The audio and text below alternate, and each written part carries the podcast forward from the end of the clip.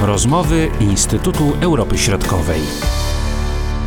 Zaostrzająca się sytuacja wokół Ukrainy z niepokojem jest obserwowana przez państwa nadbałtyckie oraz nordyckie. Nieprzewidywalność władz rosyjskich skłania do wzmacniania potencjału militarnego oraz do większej aktywności międzynarodowej. W znajdujących się poza NATO, Finlandii i Szwecji pojawiają się coraz częstsze głosy dotyczące ewentualnego członkostwa w Pakcie Północnoatlantyckim.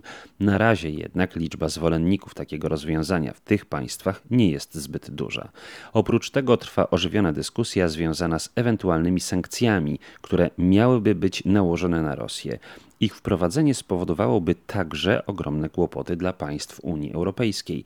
Przypomnijmy, około 45% gazu sprowadzanego do państw unijnych pochodzi właśnie z Rosji. I teraz wyobraźmy sobie, że dochodzi do wprowadzenia sankcji na Rosję, a Rosja ogranicza dostawy gazu do Europy. Jaki mamy finał? No właśnie, nie ma szans, żeby te braki uzupełnić z innych źródeł. I to jest ogromny problem dla większości państw unijnych. I dlatego ci najwięksi gracze, patrz, Niemcy, mają teraz ogromny ból głowy. Te przypuszczenia potwierdza dr Michał Paszkowski. Faktycznie, jeżeli chodzi tutaj o Rosję, jakby ich udział w dostawach gazu ziemnego do Unii Europejskiej jest bardzo znaczący, prawie 45%, więc w sytuacji jakiekolwiek ograniczenia dostaw no tutaj oczywiście państwa Unii Europejskiej musiały poszukiwać jakichś e, alternatywnych źródeł. Natomiast e, trzeba powiedzieć, że zastąpienie obecnie około 360 milionów metrów sześciennych gazu ziemnego dziennie oznaczałoby, że miesięcznie około prawie 8 milionów ton LNG musiało być dostarczanych do państw Unii Europejskiej, co oznacza, że praktycznie 26% miesięcznej produkcji, tak? Więc to są niewyobrażalne, można powiedzieć, ilości.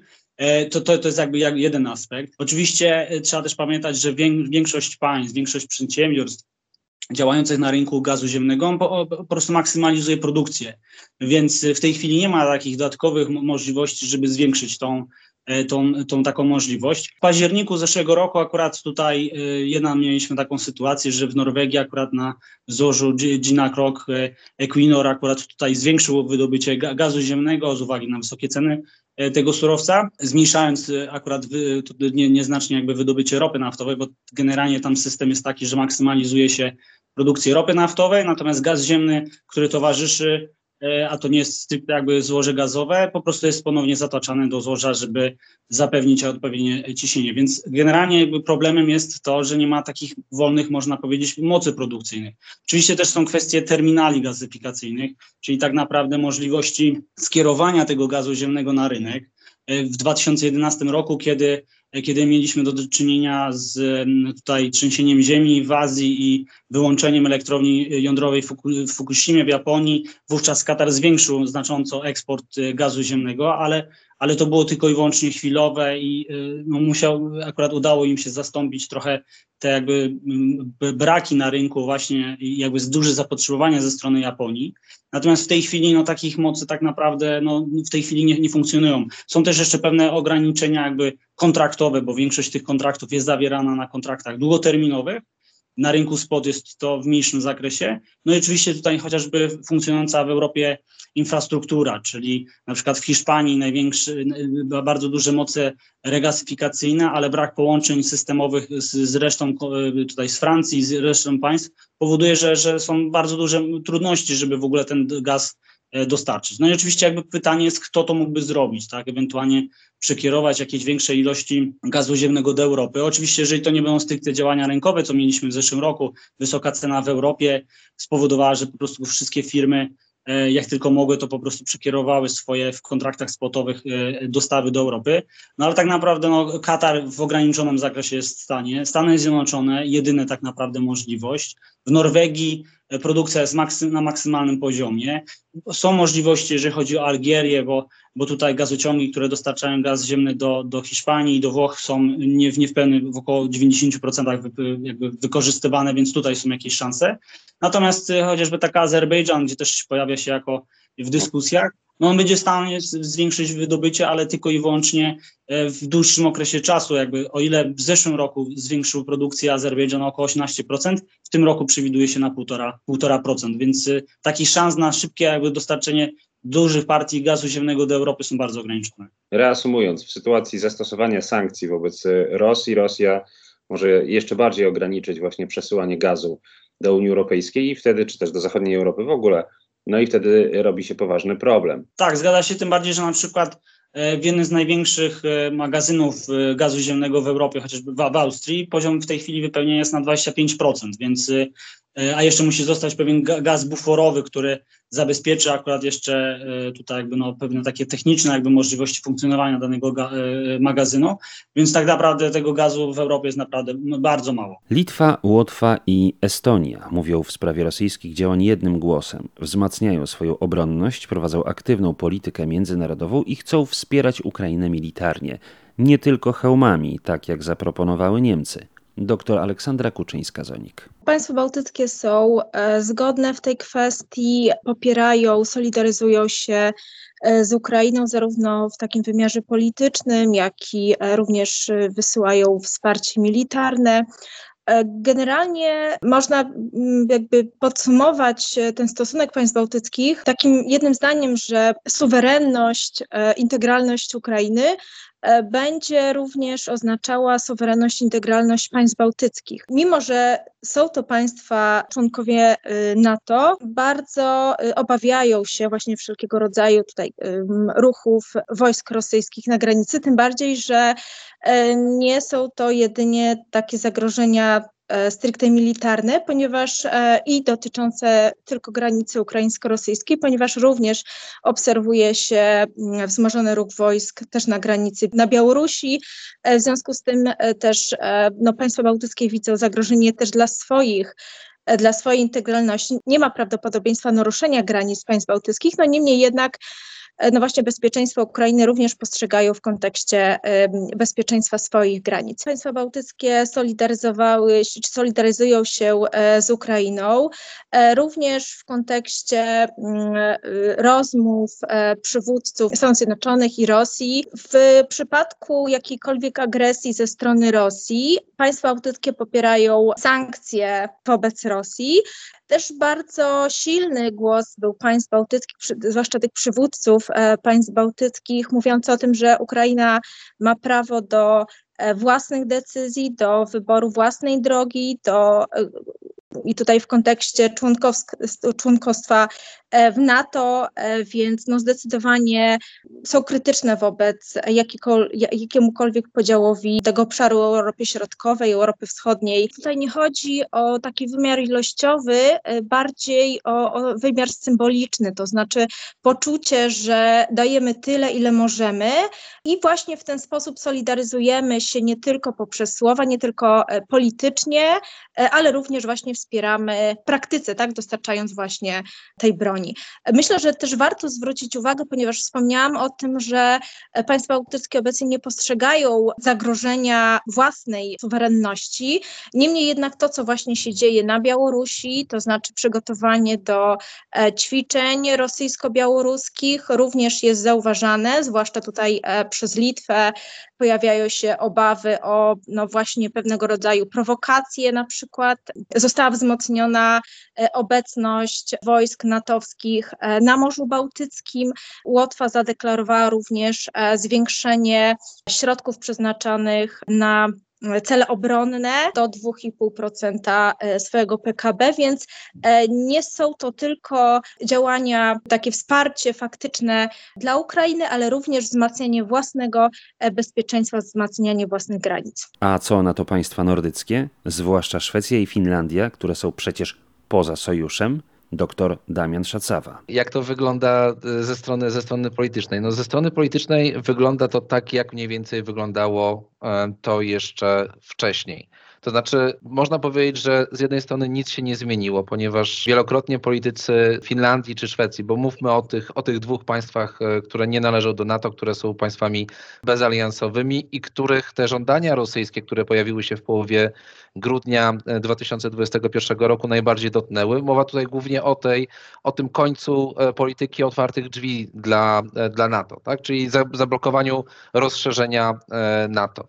E, to co, to, co się pojawiło, to, co jest wspólne w wystąpieniach polityków, czy to w wystąpieniu prezydenta Sauli Niinisto, prezydenta Finlandii, czy to w wystąpieniu późniejszym premier Sanny Marin, czy to w wystąpieniu premier i minister spraw zagranicznych Szwecji, to jest to, że to jest takie, takie stwierdzenie, że te państwa e, chcą zachować dla siebie decyzję o tym, czy będą wstępować do, do NATO, czy też pozostaną poza sojuszem. Nie zgadzają się na takie ustalenie, że na rozmowach pomiędzy Rosją a państwami NATO albo Rosją a Stanami Zjednoczonymi taka decyzja zostałaby podjęta w ich zastępstwie.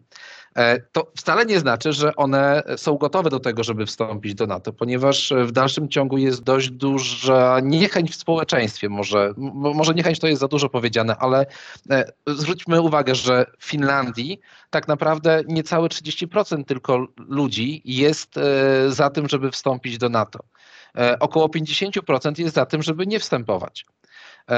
I mamy mamy różne stanowiska partii. Tak jest, y, y, jeżeli mamy taki podział e, w społeczeństwie, to żadna partia, która chce zdobyć władzę albo utrzymać władzę, nie powie czegoś przeciwnego. E, więc te kwestie nie są przedmiotem, nie były przynajmniej, nie były do grudnia, nie były przedmiotem debaty politycznej.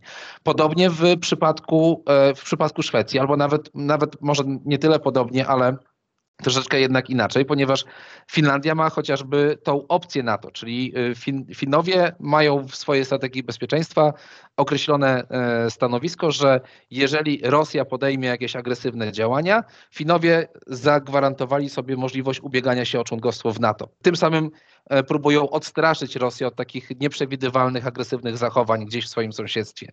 Szwedzi nawet nie mają tej opcji NATO. W Szwecji mamy e, nową strategię bezpieczeństwa i przy okazji dyskusji o tej strategii bezpieczeństwa mieliśmy taką ciekawą sytuację, gdy e, parlament głosami partii opozycyjnych, które mają większość w parlamencie, zgodził się albo inaczej dał zielone światło mniejszościowemu rządowi do tego, żeby taką opcję NATO mógł zastosować. Rząd wtedy powiedział, rząd e, socjaldemokratów i Partii Zielonych e, w grudniu 2020 roku powiedział, że on nie jest zainteresowany. Czy się sytuacja zmieniła? E, no zdecydowanie tak. Natomiast ten wzrost poparcia w społeczeństwie, tym razem szwedzkim, również nie jest na tyle istotny. Znaczy tam jest w tym momencie powiedzmy 31 e, trzecia jest osób, które e, są przeciwko wstąpieniu, jedna trzecia, troszeczkę więcej niż jedna trzecia jest za wstąpieniem, no i jest spora grono ludzi, którzy są niezdecydowani. To, co się udało osiągnąć e, Rosjanom, to jest to, że rozgorzała debata w obu państwach. Debata pomiędzy politykami pojawiały, pojawiają się tak jakby, pojawia się coraz więcej głosów za tym, żeby jednak rozważyć to członkostwo, żeby zacząć o tym rozmawiać i to jest na poziomie politycznym, jak i eksperckim, jak i, e, no, jak i zwykłych ludzi. A co dalej z Nord Stream 2? Na jakim etapie jest ta inwestycja? W tej chwili akurat tutaj e, Gazprom założył spółkę e, Gas for Europe na prawie niemieckim, dlatego że do tej pory tutaj spółka Nord Stream 2 AG funkcjonowała na prawie szwajcarskim i nie mogła tak naprawdę uzyskać procesu jakby tutaj certyfikacji E, certyfikacji jakby, do, jakby oddania do eksploatacji tego gazociągu. Tutaj e, Urząd Certyfikacyjny Niemiecki powiedział, że muszą najpierw e, przenieść po prostu swoje aktywa do Niemiec. 20 bodajże 6 stycznia została powołana ta spółka, ale w dalszym ciągu jeszcze oczywiście jakby nie zakończyła jakby wszystkich tutaj wymaganych przez regulator jakby tutaj procedur, ale jakby w dalszym ciągu nie wiadomo po prostu jaką rolę jakby będzie ona pełnić, tak? Najprawdopodobniej jakby Rosjanie chcą, żeby ta, ta firma była właścicielem i operatorem tylko liczącego 54 km odcinka gazociągu Nord Stream 2, e, tylko na niemieckich wodach terytorialnych. No ale tak naprawdę no, nie, trudno powiedzieć, czy na przykład Gazprom, jakby ta firma może się ubiegać o status niezależnego operatora systemu przesyłowego, co jest wymagane tutaj e, regulacjami e, Unii Europejskiej. Więc e, tak naprawdę no, na tą chwilę oczywiście jakby Gazprom podejmuje wszelkie kroki, żeby zakończyć proces certyfikacji, bo jeżeli chodzi o samą jakby kwestię techniczną, jakby gazociąg już jest napełniony gazem technicznym, przeszedł specjalne jakby tutaj testy, no jest gotowy do, do eksploatacji, ale bez, bez tej certyfikacji E, tutaj urzędu niemieckiego, no, no oczywiście jakby no, nie, nie będzie mógł tutaj rozpocząć e, funkcjonowania. Na tą chwilę, jeżeli e, dojdzie do tych już wszystkich jakby formalnych tutaj działań, to urząd będzie miał około dwóch miesięcy, wznowi jakby ten proces certyfikacji, a później jeszcze decyzja Komisji Europejskiej. Więc na pewno trzeba powiedzieć, że ten gazociąg nie rozpocznie funkcjonowania na pewno jakby w tym okresie jesienno-zimowym, tak, czy, czy w tym roku jeszcze w tym okresie zimy. Jeżeli już, to, to w okolicach bardziej lata, chociaż niektóre analizy wskazują, że pewnie w okolicach września, października. Mamy do czynienia z decyzją techniczną czy polityczną?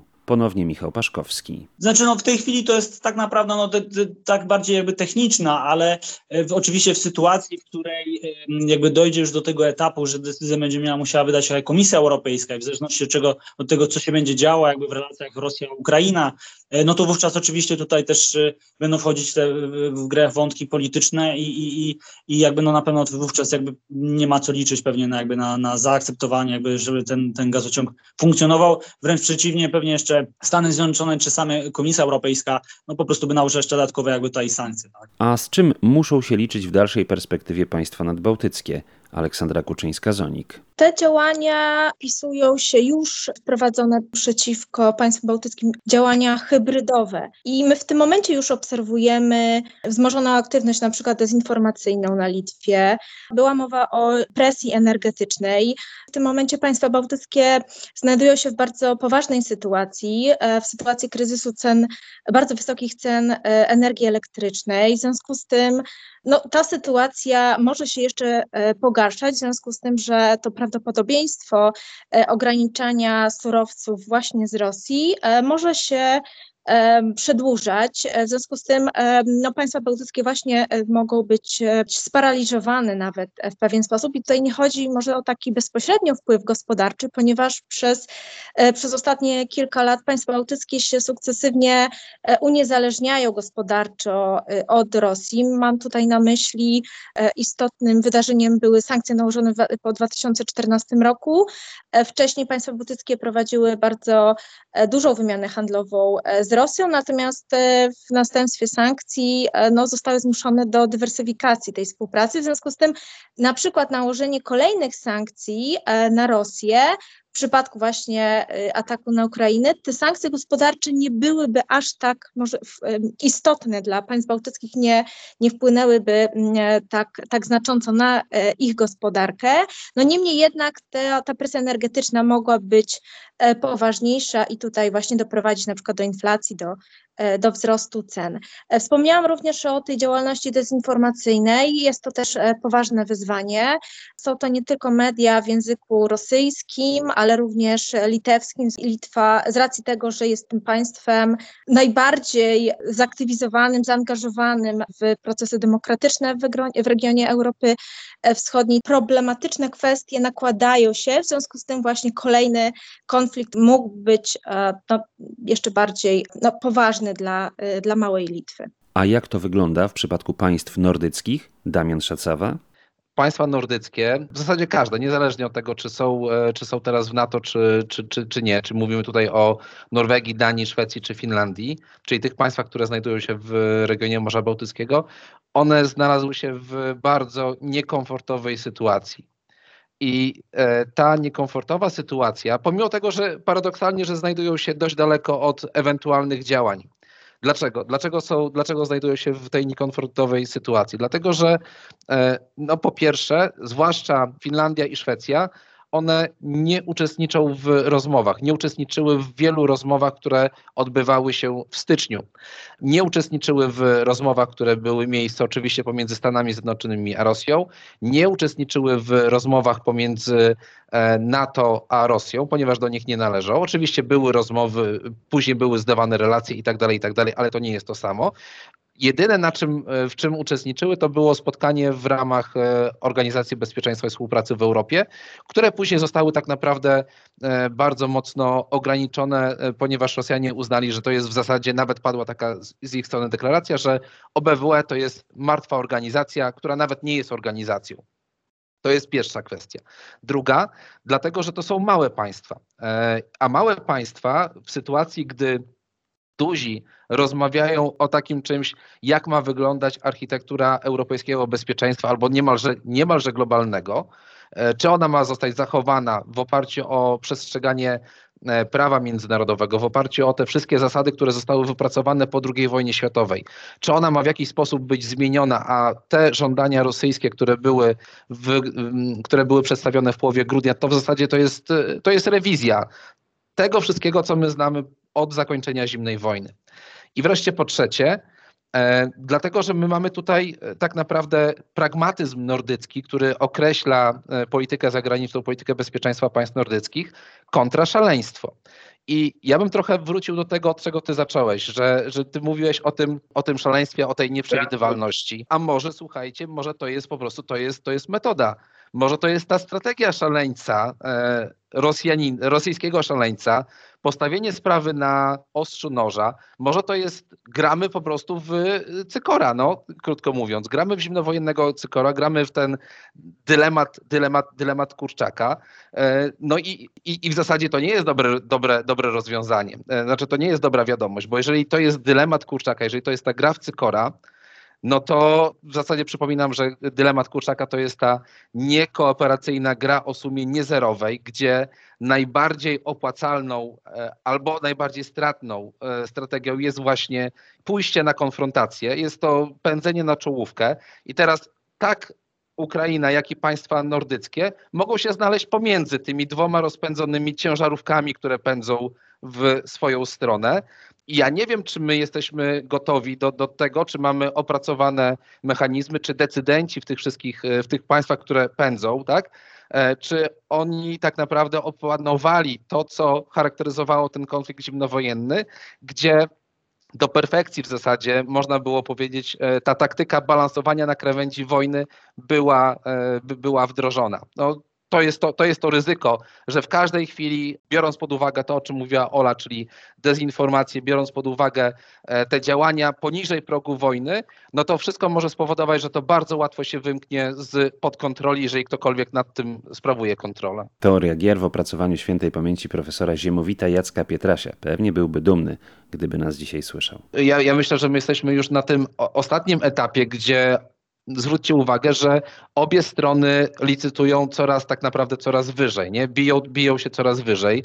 E, płotki już odpadły, tak? Płotki się już tutaj nie liczą, e, więc, e, więc generalnie gra idzie o dużą stawkę, bo gra, no też możemy spróbować tak troszeczkę, po, jeżeli mówimy o tak o, o, o przyszłości, to możemy, możemy się zastanowić, no być może i też wracając do Ziemowita Jacka Pietrasia, do profesora Ziemowita Jacka Pietrasia wracając, może jest jeszcze taka sytuacja, że brak decyzji, zaniechanie decyzji ze strony Rosjan w sytuacji, gdy Ukraina jest coraz bardziej zwrócona w stronę Zachodu i gdy my wiemy, jak ważna jest generalnie Ukraina dla tego, aby Rosja była potęgą albo nią nie była. To jest tak naprawdę no, szekspirowskie to be or not to be dla Rosji. E, no to, to, to naprawdę e, być może gdzieś w, w tych gabinetach e, Kremla na, na Placu Czerwonym, być może doszli do przekonania decydenci, że, że Zachód jest osłabiony, ponieważ mają prezydenta Bidena, który jest, no, ma swoje słabości. Słabość została pokazana w momencie wycofywania się z Afganistanu.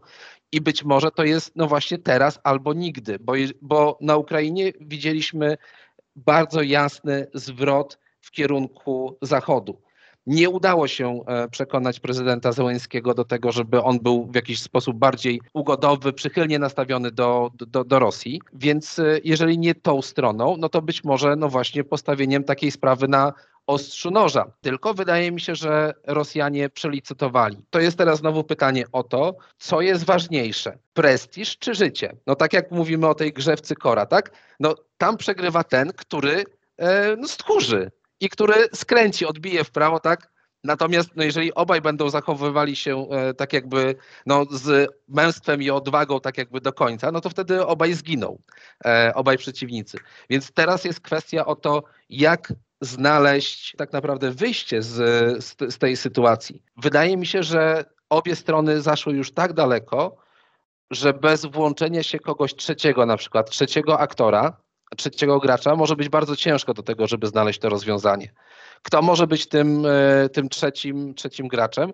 No, jest kilku kandydatów, bo to z jednej strony może być na przykład Finlandia, która ma tradycyjnie bardzo dobre e, relacje zarówno z państwami Zachodu, jak i, jak i Rosją. E, prezydent Niinisto rozmawiał kilkakrotnie z prezydentem Putinem w czasie trwania tego kryzysu. Finlandia jest znana z tego, że że prowadziła, że, że umożliwiała spotkania pomiędzy stronami skonfliktowanymi.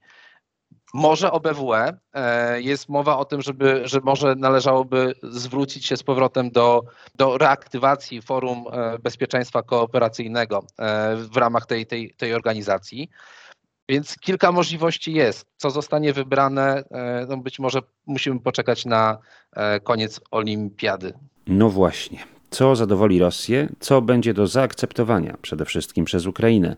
Jakie jest pole do kompromisu, jeśli jakieś jest?